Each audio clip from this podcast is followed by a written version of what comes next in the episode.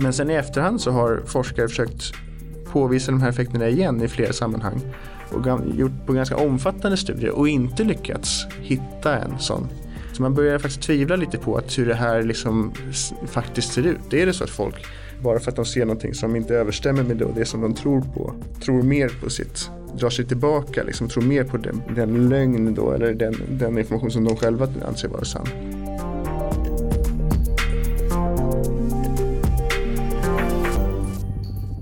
Desinformation, vilseledande information och informationspåverkan har blivit kända begrepp de senaste åren. I år är det valår i Sverige och vi kan räkna kallt med att det kommer dyka upp anklagelser från olika håll om just desinformation, vilseledande information och informationspåverkan. Därför har vi bjudit in en av FOIs experter på just de här frågorna, forskaren Ola Svenonius. Välkommen tillbaka till Rapporterat. Tack så mycket. Vi måste börja med att definiera de här begreppen. Desinformation, vilseledande information och informationspåverkan. Vad är skillnaden mellan de här?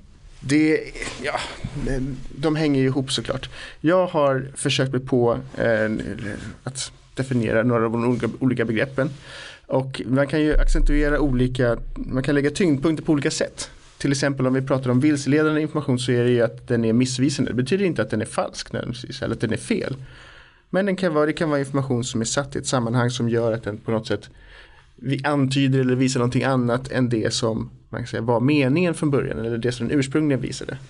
Till exempel så har vi nu eh, under pågående inspelning så är, råder den här kampanjen mot eh, socialtjänsten där det finns videoklipp som sprids och så läggs på en annan betydelse än vad de kanske hade från början. Så det är väl så här, definitionen av något, något som är vilseledande. Så.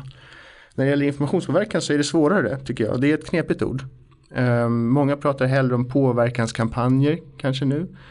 Men informationspåverkan är ändå ett sånt ord som på svenska liksom håller sig kvar. Och jag försökte beskriva det som så här i en, i en artikel som publicerades i eh, Krigsvetenskapsakademins tidskrift förra året.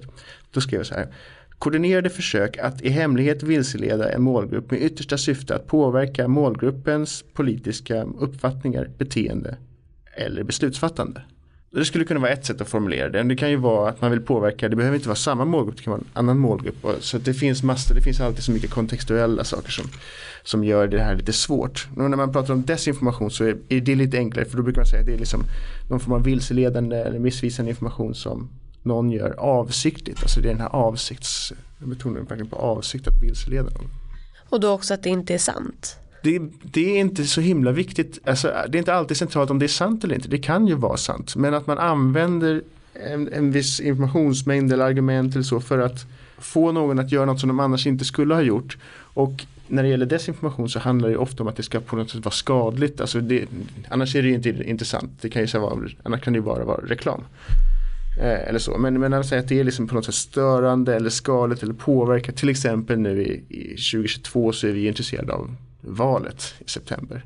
Och om man skulle vara information som på något sätt stör valprocessen så skulle det ju vara liksom ett syfte som, som skulle vara illegitimt. Då, Har de här betydelserna förändrats under åren? Kanske inte betydelsen som sådan tror jag. Det kanske är mer att intresset för desinformation som forskningsområde eller som verksamhetsområde. Misinformation pratar man mycket om på engelska.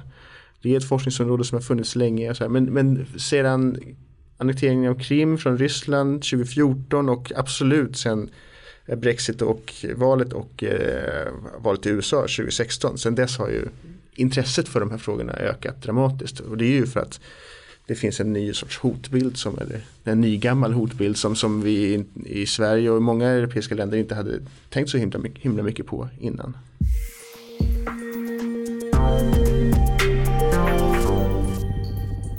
Och något som hänger ihop med det här är ju eh, psykologiskt försvar.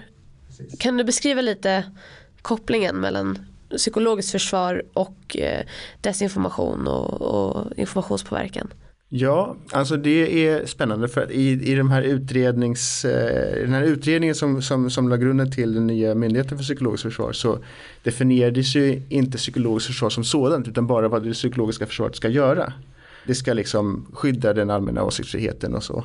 Det, och när man benar upp det där så är det ofta någonting att man ska motverka vilseledning eh, och desinformation. Säkerställa att myndigheter kan få ut sina budskap under en kris, alltså säkra kommunikationsvägar. Och bidra till att förstärka befolkningens försvarsvilja. Men ja, då skulle man ju kunna säga så, alla de här sakerna är ju någonting som påverkas av det som vi kallar för informationspåverkan. Alltså informationspåverkan som metod Eh, är någonting som påverkar negativt ett, ett samhälles förmåga att, att, kommunicera på ett säkert sätt. Så jag skulle säga att psykologiskt försvar är, är den verksamhet som skyddar svenska intressen mot otillbörlig informationspåverkan från främmande makt eller andra aktörer. Och du har ju publicerat en rapport om det psykologiska försvarets legitimitet i folkopinionen. Kan du berätta lite mer om den och eh, vilka slutsatser som du tycker är särskilt eh, intressanta att lyfta? Så gärna. Ja. Det är naturligtvis väldigt spännande för mig. Ja, vi, har publicerat, vi håller på att publicera en rapport och jag har publicerat den här artikeln i Kungliga krigsvetenskapsakademins tidskrift nyligen. Och de utgår båda från en enkät som finansierades av FOI och eh, utfördes inom ramen för ett forskningsprojekt som finansierades av MSB och numera Myndigheten för psykologiskt försvar som heter Mythbusting i en dingdingvärld. Och det projektet, liksom, det, där ingår flera saker men bland annat då den här enkäten. Där har vi, har jag, vi tittat på eh, framförallt amerikansk forskning, men inte uteslutande, men, men huvudsakligen amerikansk forskning om eh, hur man bemöter eh, vilseledande information på, på sociala medier. Varför just amerikansk forskning? Den mesta forskningen utförs ja. i USA. Det är inte, det är inte uteslutande amerikansk men, men den, den, är liksom, den, den forskningen som har störst genomslag är, där arbetar man mycket i USA och också så faktiskt att många europeiska forskare åker till USA eller, eller använder material med amerikanska respondenter till exempel för att det är kanske enklare, jag vet inte. Men det finns ganska få undersökningar som till exempel använder sådana rätt sorts urval. Det finns ganska få som tittar på till exempel Sverige. Så det är intressant att se om de resultaten som fanns från, från den amerikanska forskningen också liksom är giltiga i en svensk kontext och så vidare.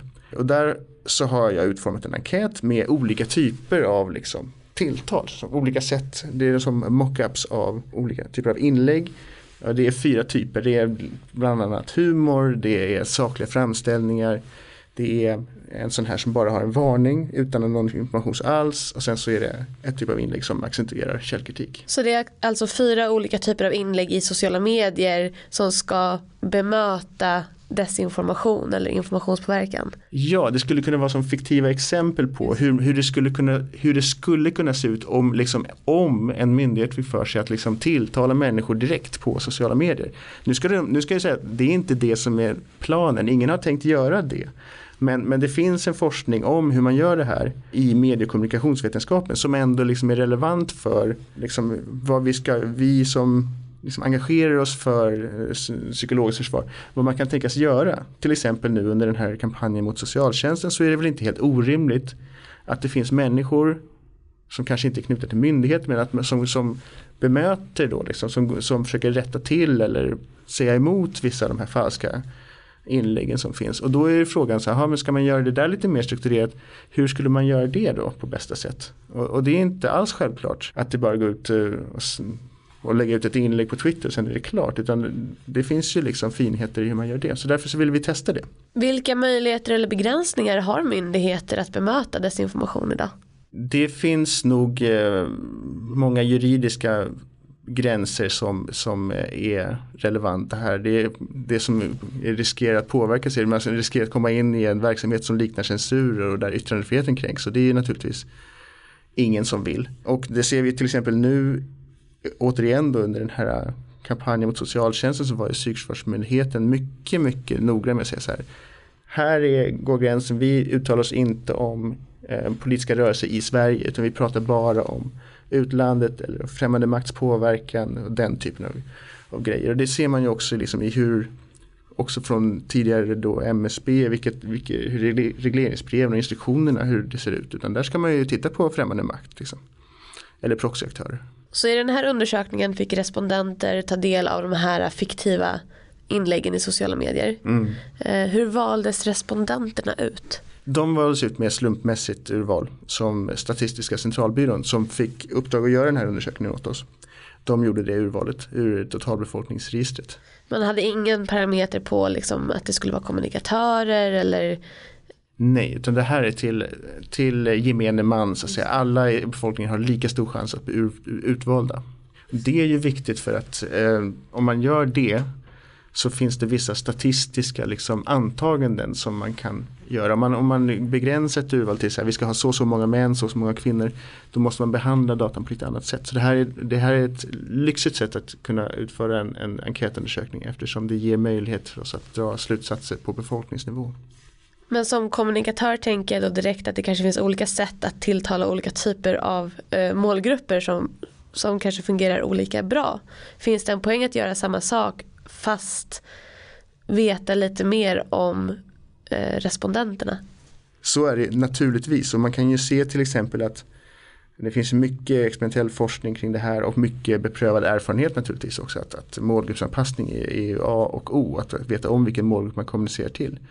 Men som myndighet så ska ju vi kommunicera objektivt och opartiskt och alla ska få samma information. Så här finns det en spänning. Hur ska myndigheter gå ut och bemöta olika typer av, av eller kommunicera med allmänheten målgruppsanpassat. Vi kan ju inte säga olika saker till olika målgrupper utan vi måste säga samma saker. Så det är ju en, en, en fråga liksom som, som eh, kvarstår och när myndigheter agerar på sociala medier så går de ju ut oftast. Man, man, håller, man avhåller sig från att tilltala folk direkt nödvändigtvis, i alla fall inte gå in i olika kanaler utan man har sin egen kanal och där säger man, ger man ut information. Så, så då löser man det på det sättet. Men det här kan ju ändå uppstå så att folk ställer frågor och man vill besvara dem och man vill kanske bemöta påhopp och så vidare som kommunikatör. Och då kan de här, de här olika typerna av Liksom, ska man till exempel använda humor? Eller kan man vara sarkastisk? I vissa, vissa kommunikatörer gör ju det. Ja. Eh, och på ett skickligt sätt. Men, men det är ju en, en svår gränsdragning. Och den, ett av resultaten i vår undersökning är att um, om man nu frågar människor vad de föredrar så föredrar ju de en ganska saklig framställning av information så att de kan bilda sin åsikt själva. Då funderar jag direkt på, föredrar man det för att man sitter och besvarar en undersökning? Naturligtvis. Det, går, det kan vi inte kontrollera i den här Nej. studien. Men det är naturligtvis en sån fråga som, som ställer sig att är det, är det här det man säger att man vill ha och sen så när man agerar på är ute i verkliga livet så är det något helt annat. Så kan det naturligtvis vara. Det är ju nästa steg för oss att på ett eller annat sätt försöka få tillgång till eller, eller göra en experimentell verksamhet som där vi kan simulera verkliga livet bättre så att vi kan förstå bättre hur man agerar. Jag tänker också att olika typer av tonalitet är olika lämpligt beroende på kanalen. I LinkedIn så uttrycker man sig kanske på ett annat sätt än eh, på TikTok. Mm. Är det något som, som man har kollat på eller som man planerar att kolla på? Ja, det, det tycker jag är relevant. Det här är, det är en fråga, för mig är det ganska mycket en fråga om metod men också forskningsetik. Jag kan inte för att jag ska få gå och titta på hur människor agerar på olika sociala medier så måste jag få godkännande av Etikprövningsmyndigheten. Och eh, när, det här är personuppgifter, alla kontonamn är personuppgifter och så. Så det, här, det är inte så himla enkelt att, att forska på de här eh, på liksom riktiga sociala medier. Utan det som vi kan göra är då att vi kan ju liksom simulera olika typer av sociala medier men, men det blir inte riktigt samma sak. Men jag tror absolut att det är så att, att eh, LinkedIn då ska vara lite mer seriöst medan Um, eh, ehm, TikTok, där kommer man undan lättare med, med, med lite mer, kanske lite mer humoristiskt eller ironiskt tilltal. Det kanske beror på vilken målgrupp som är, man riktar sig till också, så det kanske är det som är själva Precis, precis. Jag vill gå tillbaka lite till de här eh, fiktiva exemplen. Vi ska väl understryka att de är fiktiva. Kan du nämna ett par påståenden som ni hade med i studien eh, och vilka åtgärder eller vilka typer av svar som fungerade bäst eh, respektive sämst? Ja, absolut. Vi hade fyra fiktiva exempel och två av dem valde jag ut för att liksom, som, som skulle då bemötas. Och varje respondent som fick en enkät fick se eller två olika typer av bemötande. Man fick inte se samma. Och det ena exemplet var en, ett inlägg som pratade om eh, NATO-medlemskap och militarisering av Gotland. Och det andra var ett som, som pratade om eh, GMO, alltså genmodifierade grödor. Och eh, det här det här ska jag säga, det här kommer vi, kan man se sen i eh, rapport som vi håller på att publicera nu på FOI. Så det kommer läggas ut bredvid den här podden tror jag om inte jag är helt Um, så det här kommer man kunna se sen, nu är det lite dåligt, det, det lämpar sig lite dåligt med eh, att poddformatet liksom, för att visa de här. Men, men det, det ena, det här med exempel med NATO då, så, så var det ett inlägg där, man, där en person då, en fiktiv person hävdade att att Trumps, i det här fallet Trumps 2% mål eh, skulle liksom påverka hur mycket budget som tillsattes till den svenska sjukvården och vice versa. Och att um, man, det var fel att skicka soldater till Gotland. Och det är ju väldigt aktuellt eh, just nu måste man ju säga ändå. Eh, det här var då 2020 precis innan coronapandemin bröt ut så den frågan var inte riktigt lika aktuell Nej. då. Eh, det ska man säga. Och då, men då ett typ av bemötande var till exempel att, man, att det var lite så här sarkastiskt om så att man ska, man ska inte vara orolig för de gröna små männen och sådär. Alltså den typen av sätt. Så ett annat sätt var där det bara stod varning, desinformation. Bara som en, en stämpel? En skylt, ja, en stämpel liksom, precis. Och eh, då får man ju inte någon vidare information om vad det handlar om. En tredje var liksom en lite mer förklarande text där man sa så här, så här, så här tänker, eh, resonerar den svenska staten eller svenska myndigheter och så någon länk till liksom en, en hemsida om psykförsvar. Och en fjärde var en sån som påpekade att det pågår en påverkanskampanj just nu och var försiktiga, tänk kritiskt. Eh, den typen av information. Och det är också sån typ av bemötande som vi har sett de senaste veckorna nu eftersom när i samband med den här demonstrationen eh, som eh, frihetsrörelsen hade i januari så gick ju Säpo ut och, och varnade för vilseledande information. Och Myndigheten för psykologiskt försvar har också varit ute och gjort det angående den här socialtjänstkampanjen nu. Så det är ju en sorts bemötande som också ja. används. Man varnar för att det är vilseledande utan att ge egentligen en annan bild av vad som faktiskt stämmer. Ja, precis. Och då säger man bara se upp, liksom. det, finns, det, det cirkulerar vilseledande information här. Och det är då tänkt att det ska, eh, eller finns vissa, det finns bevis för att det här kan ge människor en större aktsamhet för de här typen av um, händelser eller vilseledningsförsök. Då, så. Och att det skulle då kunna hjälpa. Just det, och i det här Gotlands exemplet, vad fungerade bäst? Där fungerade det sakliga svaret bäst. Och det som fungerade sämst var det där man inte fick någon information alls utan bara en varningsstämpel. Eller fungerade sämst. Det var det som folk tyckte sämst om. De litade minst på det. Och sen så, så ställde jag också några frågor som var innehållsmässiga. Så här, tycker du att? Och så, så, var, så var det några frågor som handlade om om själva NATO-medlemskapsfrågan eller så. Och där visar sig också att, att de som har fått lite mer saklig information, där reduceras osäkerheten ganska påtagligt. Så att de svarar mer kanske på det sättet som man skulle tänka var i citationstecken önskvärt. Medan de som inte säger jag vet inte är mycket betydligt min färre än i, när det gäller de andra typerna av bemötande.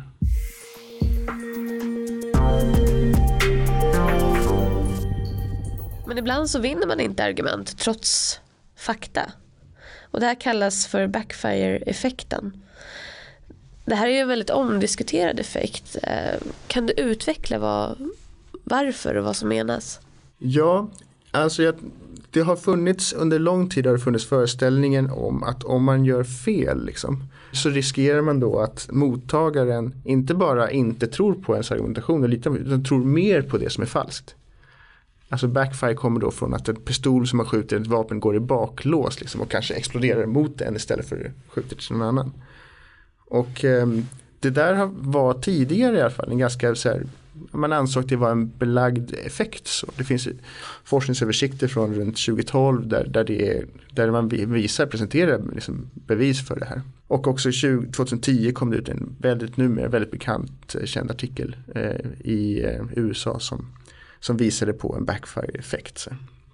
Men sen i efterhand så har forskare försökt påvisa de här effekterna igen i flera sammanhang och gjort på ganska omfattande studier och inte lyckats hitta en sån backfire effekt. Så man börjar faktiskt tvivla lite på att hur det här liksom faktiskt ser ut. Är det så att folk, bara för att de ser någonting som inte överstämmer med det som de tror på, tror mer på sitt drar sig tillbaka, liksom tror mer på den, den lögn då eller den, den information som de själva anser vara sann.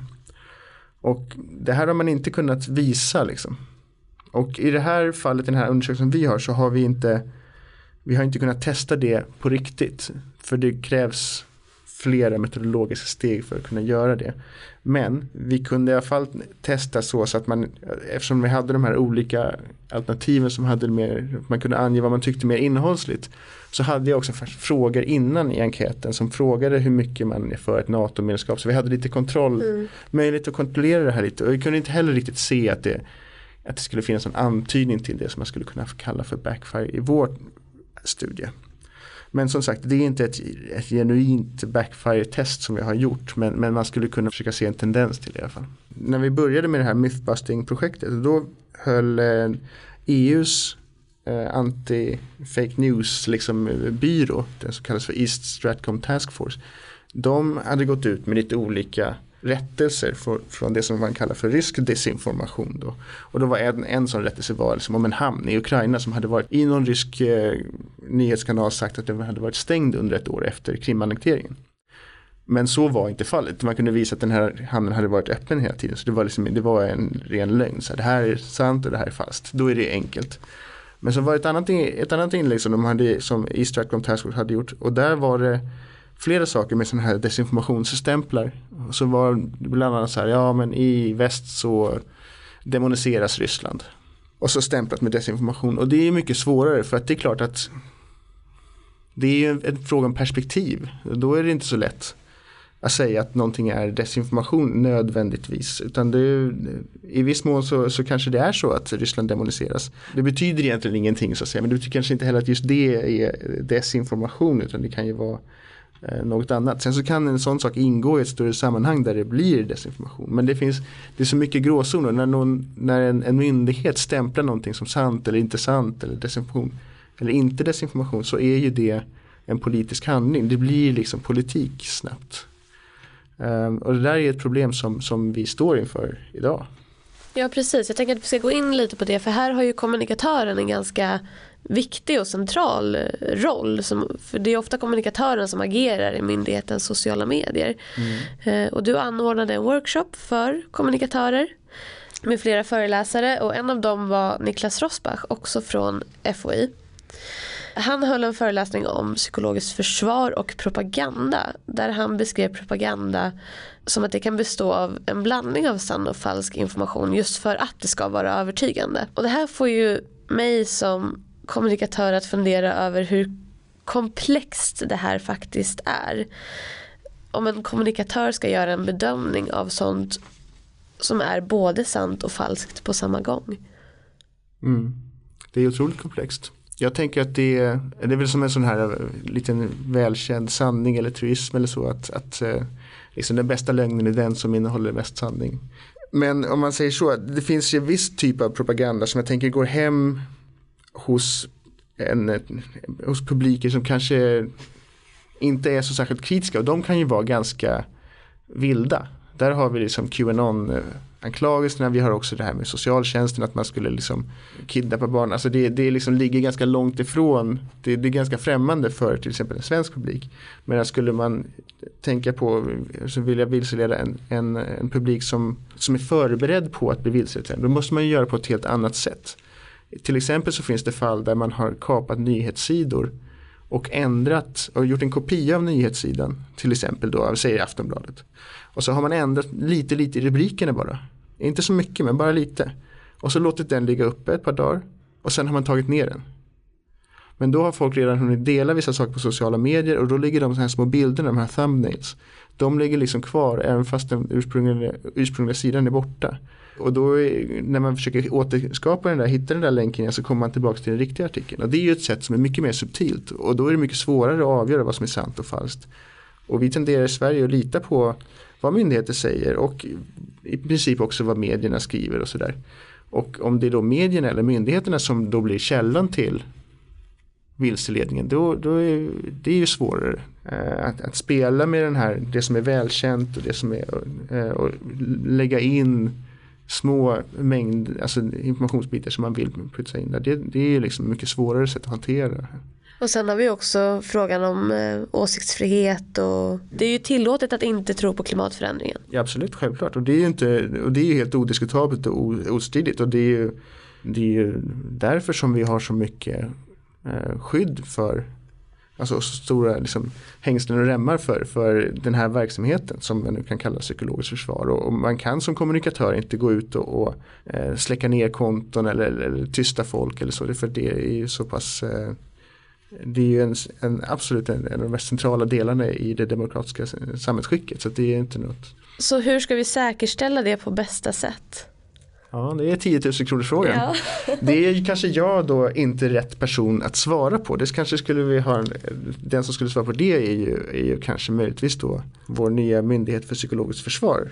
Eller som ju ska leda arbetet med att utveckla det psykologiska försvaret. Men eh, jag tänker att det finns, det finns olika inriktningar som, som man skulle kunna ta.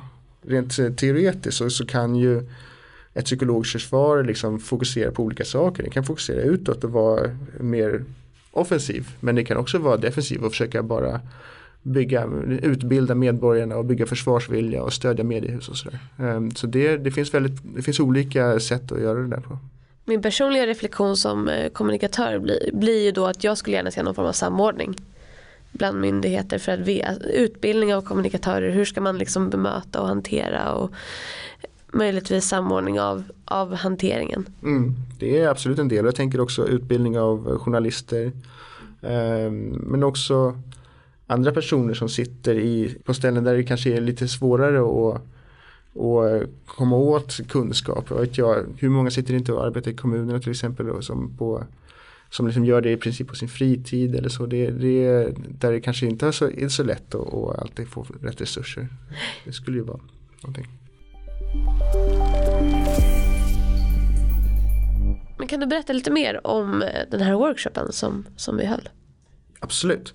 Ehm, det här projektet som jag nämnde, Mythbusting i Ding Ding Värld, håller på att avslutas. För att sprida eh, den kunskapen som vi har tagit fram inom projektet till eh, de som jag tror, eller en av de grupperna som jag tror är viktiga mottagare, det vill säga kommunikatörer vid svenska myndigheter så anordnade jag en workshop för, med fokus på bevakningsansvariga myndigheter. Och det är alltså de myndigheterna som har ett särskilt ansvar i totalförsvaret.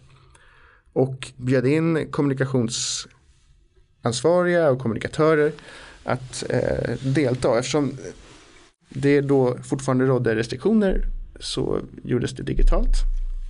Um, och då, dels så presenterade jag och min kollega Ulrika Mört från Stockholms universitet Eh, resultat från eh, vårt projekt och sen så bjöd jag in två ytterligare, nej, tre ytterligare talare faktiskt eh, för att presentera deras. Dels en uppsatsstudent som skrev sin masteruppsats inom ramen för vårt projekt, Elina Herme. Sedan Niklas Rosbach från FOI och professor Thomas Nygren från Uppsala universitet. Och tillsammans så presenterade vi då dels liksom, frågor om psykologiskt försvar, propaganda, hur de svenska myndigheterna arbetar mot och i, det här, i den här nya världen där, där vi ska liksom vara uppmärksamma för desinformation och så. Eh, vi presenterade frågor om hur, hur preventiva åtgärder för att stärka motståndskraft mot eh, informationspåverkan. Men också det här med reaktiva åtgärder som jag, vi nu pratade om tidigare, det här med inläggen och så. Eh, och det var ungefär eh, 115 personer anmälda från eh, ett 30-40-tal olika myndigheter. Så det, vi är väldigt glada för den uppslutningen och det här kommer vi också då lägga ut på FOIs kanaler. På Youtube kanske det blir. Ja, ja. precis. precis. Så det är, hoppas vi ska bli en, en eh, bli tillgängligt till även andra personer som, som sysslar med de här frågorna. Berätta lite mer om vilka preventiva eh, insatser man skulle kunna göra för att motverka just Preventionsfrågan är eh, ganska omdiskuterad, eller har varit det i alla fall. För det finns en har funnits en föreställning att man ska kunna så att säga också i situationstecken vaccinera människor mot desinformation. Och det är frågan om det, om det går eller inte. Men, men eh, preventiva åtgärder brukar handla om utbildning. Eh, så där har ju skolsystemet naturligtvis en väldigt stor eh, uppgift. Men också att man går ut med varningar till exempel som jag nämnde att Säpo hade gjort häromveckan. Det kan vara en sorts preventiv åtgärd som, som skapar en större medvetenhet kring att det florerar vilseledande information. Och, det skulle, och sen så, så Thomas Nygren då pratade ganska mycket om, om det som man kallar för debunking och prebanking. Alltså prebanking skulle då vara ett för, ett, att i förväg gå ut med så här, det här är inte sant. Alltså debunking är någonting som man säger efteråt, så här, eh, visar då att eh, till exempel den här, den här utsagan om eh, covid-vaccinet är falskt. Och det finns ganska mycket åtgärder för när det gäller preventiva frågor. Och det har tagits fram olika typer av verktyg men också dataspel där man, där man får spela en eh, desinformatör. Och det Oj, vad det, spännande. Ja, det har eh, de i arbetsgruppen kring på, på Uppsala universitet gjort. Så det kan jag rekommendera. Det, då kan man titta efter eh, Thomas Nygrens publikationer så kommer man hitta mer information där.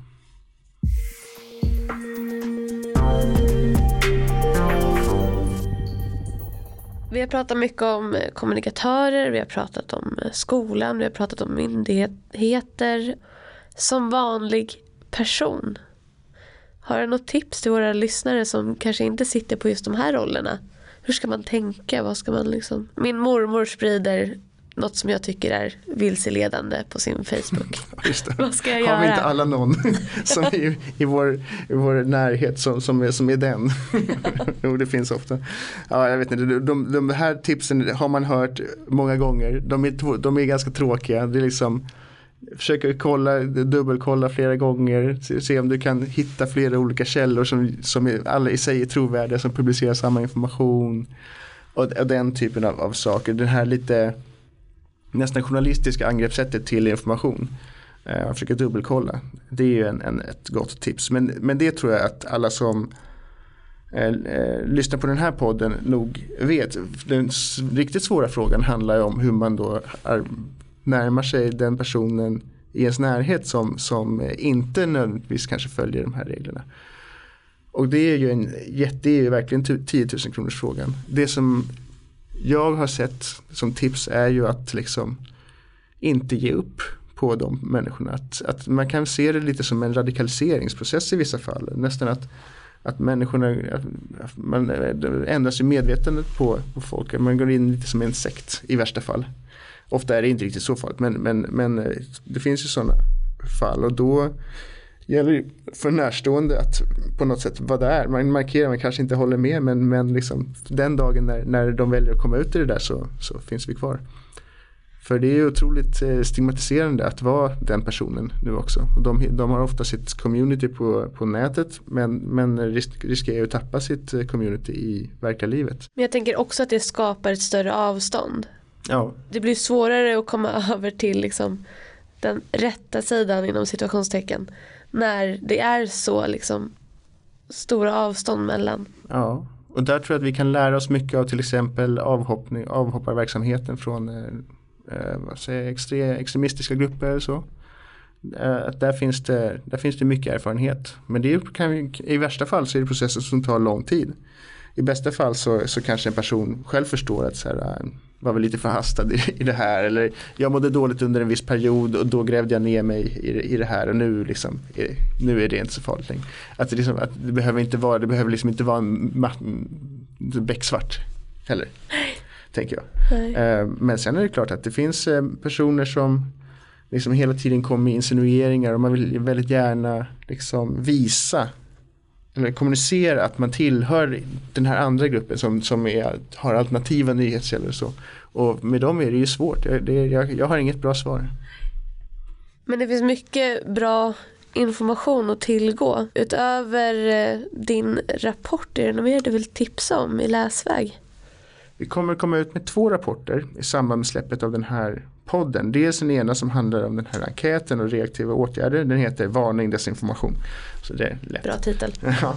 Och sen så kommer vi komma ut med en, en eh, mindre forskningsöversikt också. Som handlar om, som är på engelska, som kommer heta Countering Miss and Disinformation.